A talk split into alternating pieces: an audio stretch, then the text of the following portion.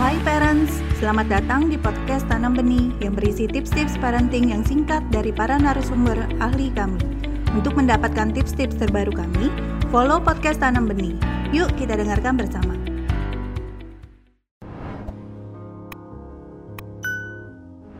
Mungkin tantangannya diri kita sendiri ya.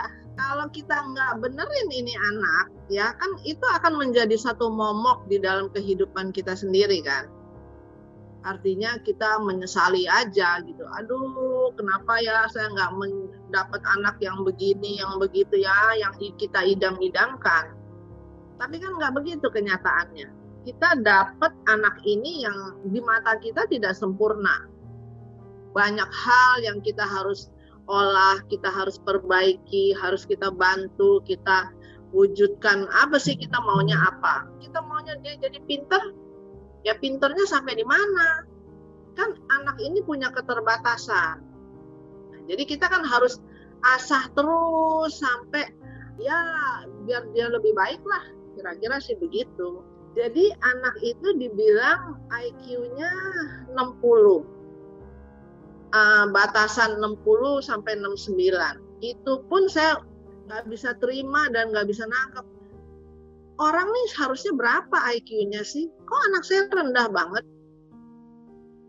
Dan seterusnya dicek lagi IQ anak saya itu waktu umur e, 13, 35. Jadi turun dia IQ-nya, setengahnya. Tambah panik lagi saya kan. Wah, bagaimana ini? Manusia seperti apa dengan IQ 35? Itu saya terus terang lama sekali menerima kenyataan bahwa anak saya, bayangin anak saya IQ-nya 35. Tapi akhirnya saya lihat loh kok anak saya ini ganteng ya. Oh anak saya ini kok ceria ya. Anak saya ini kok uh, ramah, baik gitu ya. Jadi suka terselimur ya saya dengan uh, ini gimana sih jadinya nih ya? Tuhan nih maunya apa sih? Dikasihlah saya anak yang ukuran inteligensianya itu 35 tapi kok menurut saya dia pinter amat.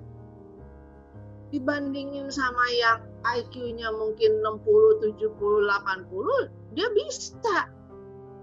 Cuman ngomong aja dia nggak bisa.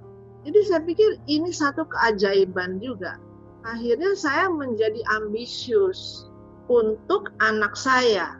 Jadi apa pun hal yang dia nggak bisa, itu saya latih, saya asah terus sampai dia jadi mahir dan dia berprestasi.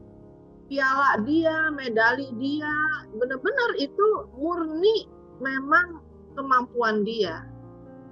Di situ saya menjadikan anak ini satu role model ya bagi orang-orang tua mempunyai harapan bahwa anaknya kalau kita urusin, kita latih, kita ambisius ke jalan yang benar ya ambisiusnya, anak ini bisa jadi satu keajaiban, satu berkah.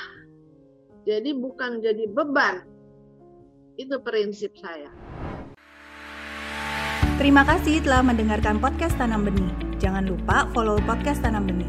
Tidak pernah ada kata terlambat loh untuk belajar.